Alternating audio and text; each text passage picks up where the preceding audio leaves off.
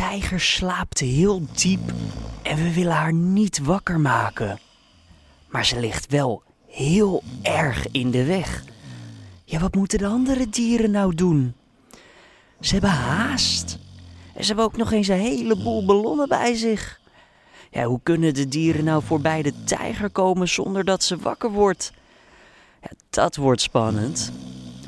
Gelukkig heeft de kikker een briljant idee. Hij pakt een ballon en zweeft zo over de tijger heen. Ja, heel slim kikker. Maar wij moeten iets doen om ervoor te zorgen dat de tijger blijft slapen. Help je mee? Laten we over haar neus aaien. Dat werkt namelijk altijd. Mooi hè? Even een verhaaltje op de vroege ochtend uit het prentenboek De Tijger slaapt. Dat vanwege de voorleesdagen die vandaag van start gaan. Nou, als het goed is, slaap jij inmiddels niet meer. Hele goede morgen daarom bij de Dit Wordt Het Nieuws podcast van nu.nl. Julian Dom is mijn naam en zo praten we verder over die voorleesdagen en het voorleesontbijt. En ook bellen we eventjes met mediajournalist Maarten Hafkamp over de uitreiking van de Gouden Lookie. Maar eerst kort het belangrijkste nieuws van afgelopen nacht. Door twee bomaanslagen in de Libische stad Benghazi zijn zeker 33 doden gevallen. Tientallen mensen raakten gewond. Volgens de plaatselijke autoriteiten waren onder de slachtoffers zowel militairen als burgers. De aanslagen werden gepleegd met autobommen. De eerste auto explodeerde bij een moskee toen gelovigen naar buiten kwamen na een gebed. De tweede auto ontplofte 15 tot 20 minuten later toen de hulpdiensten ter plekke waren. Verantwoordelijkheid voor de terreurdaad is nog niet opgeëist. De Technische Universiteit Eindhoven heeft de subsidie van het Eindhoven Studentenkorps opgeschort na meldingen van een vrouwonvriendelijk carnavalsthema van een dispuutfeest. De studentenvereniging heeft het evenement inmiddels afgelast. Het dispuut Alep had voor het jaarlijkse carnavalsfeest met als thema de wil van een vrouw doet er niet toe bedacht. Met als woordgrap hashtag in plaats van MeToo. Een uitnodiging met die titel die rondging op Facebook is inmiddels verwijderd. MBO'ers met een niet-westerse migratieachtergrond stromen vaker door naar het hoger beroepsonderwijs dan medestudenten. Dat blijkt uit nieuwe cijfers van het Centraal Bureau voor de Statistiek. Volgens het CBS is de eerste groep minder succesvol op het HBO door uiteenlopende redenen. Zo zouden lager onderwijs en inkomensniveau van de ouders, gezinssamenstelling en een lager IQ van de kinderen een rol kunnen spelen. Dan kijken we naar de nieuwsagenda van deze woensdag 24 januari. Zoals we al zeiden wordt vandaag de Gouden Lookie uitgereikt, de prijs voor de beste reclame. Heel 2017 konden reclames worden genomineerd en uiteindelijk zijn er nu 10 stuks over. Vanavond wordt de envelop geopend en horen we wie het beeldje mee naar huis mag nemen. De concurrentie is enorm. Sommige reclames lijken namelijk steeds meer op kleine films. Desondanks is er dagelijks ook voldoende te zien wat eigenlijk niet het noemen waard is. Aan de telefoon Maarten Hafkamp van het vakblad Adformatie. Ja, Maarten, wat maakt een goede reclame nou goed? Nou ja, men altijd reclame moet impact hebben. Nou ja, dat is een groot woord. Uh, ik denk dat als je kijkt naar bijvoorbeeld de afgelopen jaren op uh, televisie en bij de Gouden Lookie, dat de reclames uh, grappig moeten zijn. Ehm, ja, een bepaalde verhaallijn moeten volgen misschien. En eh, misschien moet je dat ook wel opbouwen in de loop der jaren. Dus ja. bijvoorbeeld Jumbo. dat heeft natuurlijk dat gezin. dat, dat kent inmiddels iedereen. Mm -hmm. En daardoor onthaal je natuurlijk ook wel de afzender. Ja, want moet je een, uh, het merk nog altijd kunnen onthouden? Dat is altijd het belangrijkste nog van de reclame. Nou ja, uiteindelijk gaat het natuurlijk om dat, uh, ja, dat je zoveel mogelijk producten verkoopt. Want uh, zo plat is het. Ja. Maar ja, ik denk dat je een, een goed merk bouwt door, door in de loop van de jaren gewoon dat consistent ook te voeren. Dus als Jumbo nog een paar jaar zo doorgaat, dan, dan, ja, dan, dan weet men welke club dat is. Dan hebben ze eigenlijk een nieuwe meneer Van Dalen van de Albert Heijn uh, in handen. Ja, die hebben ze eigenlijk min of meer al. En dat, dat zie je natuurlijk ook bij, uh, bij de nominaties. Uh, ze zitten er dit jaar weer bij. Vorig jaar hebben ze gewonnen mm -hmm. met hun, met hun kerstcommercial. En dit jaar maken ze natuurlijk weer een goede kans. Ja, over kerstcommercials gesproken. Twee supermarkten die dus nu genomineerd zijn voor een redelijk emotionele kerstreclame. Maar ja. de merken komen daar niet echt in naar voren. Nee, nou ze hebben die trend in ieder geval, het is, het is een trend. Uh, dit hebben ze afgekeken bij uh, onder meer John Lewis, dat in uh, Groot-Brittannië al, al heel wat jaren dat soort mooie campagnes maakt. Met een mooi verhaal erin dat, dat vaak zorgt voor een, voor een snik. En dan zie je dus dat, ja, dat daar niet helemaal duidelijk is wie nou de afzender is. en ik vraag me ook af of Plus dan wel echt meer, meer boodschappen gaat verkopen dit jaar. Of dat bij, bij de kerst heeft gedaan. Dat, ja. dat, dat, weet ik niet. Ik denk dat ze dit nog een paar jaar door moeten voeren om, om, om echt herkenbaar te zijn. Maar het was frappant dat Albert Heijn eigenlijk met bijna eenzelfde commercial kwam. Ja, nou behoorlijk. Maar ja, dus toch een beetje afgekeken van het buitenland. Dat is zeker afgekeken van het buitenland. Ja, dat is uh, ook met de, de, muziek die daar dan onder zit. Het is eigenlijk uh, bijna een kopie. Oh, Oké, okay. um, is dat dan ook een beetje een verandering die we merken in sowieso de Nederlandse reclamewereld? Nou, dat weet ik niet. Uh, kijk, als je nu naar de gemiddelde reclameblokken kijkt, nou, er zit een hoop bagger tussen mag ik wel zeggen. Zeker. En dat is, uh, dat is, dat is in de loop jaren niet echt veranderd. Laten we dan even inderdaad naar de dingen gooien die wat minder zijn. Schoonmaakmiddelenfabrikanten ja. bijvoorbeeld. Die blijven ja. maar nasynchroniseren. Waarom is dat toch? Ja, dat is echt wonderlijk. Hè? Procter Gamble is daar een goed voorbeeld van. Dat, dat is wel een beetje de grootste markt, marketingorganisatie ter wereld. Dus ze mm -hmm. geven wereldwijd de meeste meeste geld uit aan marketing. Maar is er dan niet zo'n ontzettende, nou misschien is haat een fors woord, maar bij kijkers dat ze denken, ja, dit kan toch niet meer, ja. het is 2017, 18. Nee, precies. Nou, dat is eigenlijk wat ik wilde zeggen. Dus als je dan ook weer meer voor tv-reclame kiest, zorg dan dat je, dat je boodschap wat, wat leuker is of dat je commercial wat, wat, wat mooier is. Maar goed, men, men denkt toch nog steeds van, nou ja, tv is een, een groot, uh, groot massamedium en... Uh, ook al zijn onze reclames stom vervelend, uh, mensen onthouden toch onze producten. Dus ze hebben dan vaak zo'n zo, zo raar, zo raar uh, Mr. Muscle mannetje of, of iets dergelijks. mensen onthouden dat. Uh, die vinden, vinden ze stom vervelend, maar denken wel, ja, misschien werkt het product wel, dus laat ik het maar kopen. Het is heel, heel gek hoe, hoe reclame werkt soms. Maarten, jullie hebben op de website ook een poll gehad. Um, ja, is daar een beetje al een richting uitgekomen wat waarschijnlijk de winnaar van de Gouden Lookie zal worden? Nou, het is duidelijk dat de drie uh, kerstcommercials, die van Albert Heijn, uh, die van Jumbo en die van Plus, echt het populairste zijn. Jumbo en Plus staan voorlopig zelfs samen bovenaan. Dus het zal wel een van die drie worden, denk ik. En het is natuurlijk ook wel, het zijn natuurlijk drie recente reclames, dus dat kan ook nog zijn impact hebben gehad hoor. Maar ja, het geeft wel aan dat, dat mensen toch dat heel erg leuk vinden en, en belangrijk vinden. Dus emotie, humor, Dieren, dat, dat werkt ook altijd goed in de reclame trouwens. Er zijn ook weer een paar van, bijvoorbeeld die Volkswagen, daar zit een, een hond in. En de Ora met vier, vo voeters voordelig verzekerd. Oh, dat zijn die uh, hond en kat die volgens mij met elkaar vechten, toch? Kat, ja. ja, dat klopt. Dus uh, dat, ook dat werkt. En, en er zit natuurlijk ook een commercial in van het Wereld Natuurfonds. Geeft de tijger een toekomst. Een hele serieuze. Uh, dus ja, dat zijn eigenlijk de, de dingen. Dus humor, impact, emotie en dieren. Je hoorde Maarten Hafkamp van Adformatie. En op nu.nl lees je vanavond uiteraard wie de winnaar van de Gouden Lookie is geworden.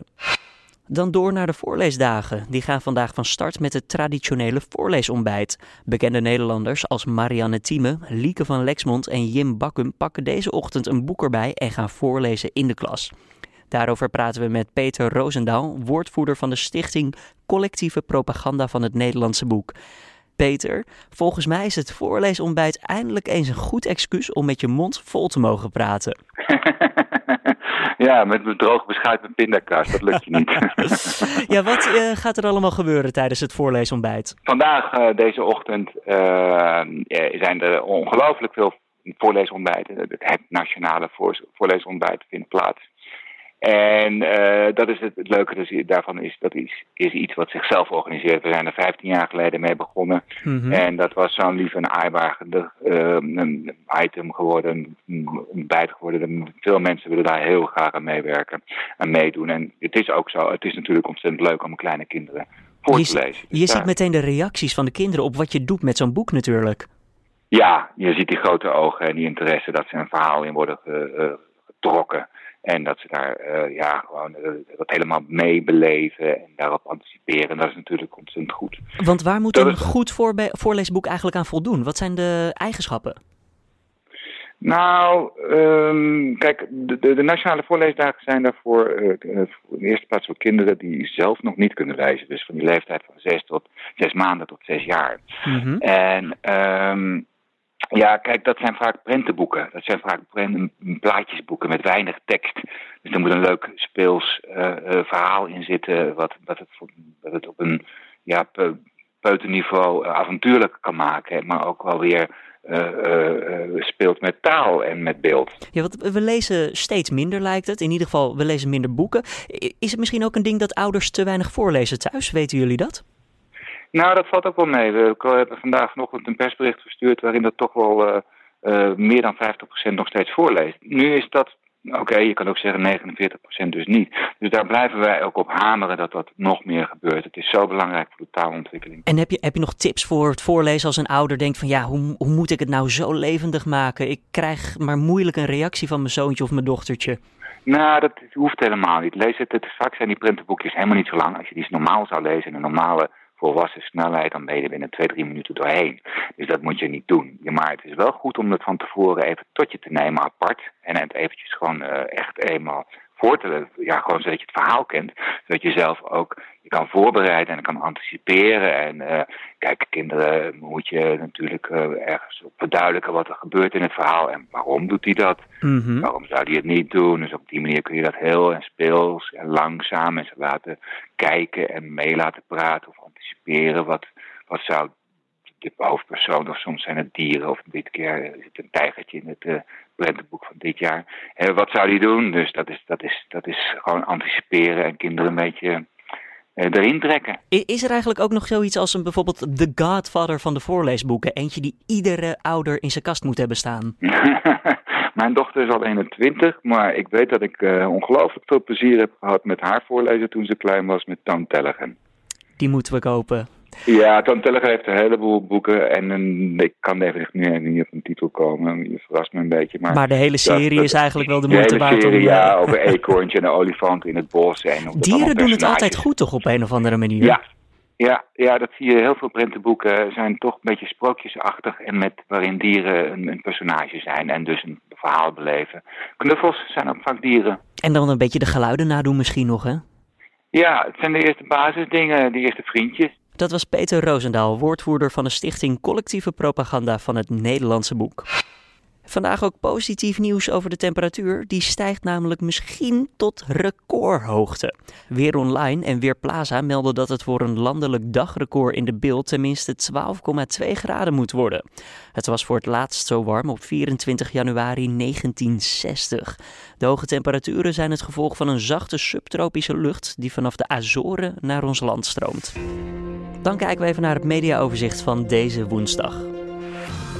Riskante beleggingen die vooral online worden aangeboden, zoals bij cryptovaluta of binaire opties, moeten worden verboden. Daarvoor pleit de Autoriteit Financiële Markten, de AFM. Door extreem lage spaarrente zijn mensen gevoeliger geworden voor beleggingen waarbij wordt geschermd met hoge rendementen. Ze onderschatten de risico's daarvan, zegt Merel van Vroonhoven, bestuursvoorzitter van de AFM in een interview met de Volkskrant. Bergers willen zelf een weg of een deel van een weg kunnen afsluiten om zo snel en veilig hulp te kunnen verlenen bij een ongeval. Dat valt te lezen in de Telegraaf. Nu moeten bergers nog wachten tot de politie of weginspecteurs van Rijkswaterstaat ter plaatse zijn. Volgens voorzitters van de VBM, de branchevereniging Bergings- en Mobiliteitsspecialisten, moeten bergers nu nog met gevaar voor eigen leven wachten tot een plek na een ongeluk is afgeschermd. Een thuisbezorger daagt bezorgdienst Deliveroo voor de rechter. De 19-jarige jongen is het niet eens dat hij als ZZP'er moet werken voor de dienst en zegt dat er sprake is van schijnzelfstandigheid. Dat meldt de NOS. Deliveroo besloot eerder om de contracten van bezorgers niet langer te verlengen. En daardoor moeten de bezorgers overstappen naar een ZZP-constructie, om zo te kunnen werken voor de dienst. Als ZZP'er krijgen de bezorgers betaald per levering en niet meer per uur. volgens Deliveroo houden de bezorgers hierdoor netto meer over. We hadden het er net al eventjes over, maar hierbij dan het uitgebreide weerbericht. De temperatuur loopt vandaag op sommige plaatsen op tot recordwarmte, met maxima tussen de 12 en bijna 14 graden. En in de middag bereikt een regengebied ons land en gaat het vooral langs de westkust stevig waaien, met kans op zware windstoten in de kop van Noord-Holland en de westelijke Wadden. En voordat we stoppen nog even dit. Ja, geen boardingticket of paspoort bij je en toch het vliegtuig instappen. Het lijkt vrijwel onmogelijk, maar de 66-jarige Marilyn Hartman is het onlangs gelukt. Vanaf de luchthaven van Chicago wist ze aan boord te komen van een British Airways vlucht richting Londen. De enige methode die Hartman gebruikte was zich gewoon tussen de andere passagiers begeven. Na de landing in het Verenigd Koninkrijk werd Hartman echter niet toegelaten tot het land, maar meteen weer teruggestuurd naar de VS. In de rechtszaak die volgde bleek dat Hartman in de afgelopen jaren zeker 18 keer de beveiliging op vliegvelden heeft geprobeerd te ontlopen. En ook zou ze minstens twee keer eerder aan boord zijn gekomen van een vliegtuig voor een gratis vlucht. De rechter vond het deze keer ook echt te ver gaan en zei: Volgens mij ben je gewoon verslaafd aan de aandacht. Dit was dan de Dit Wordt Het Nieuws podcast deze woensdag 24 januari. De Dit Wordt Het Nieuws podcast is elke maandag tot en met vrijdag te vinden op nu.nl om 6 uur ochtends. Heb je een reactie op deze uitzending? Laat het ons weten via redactieapenstaartje nu.nl. Voor nu, tot morgen.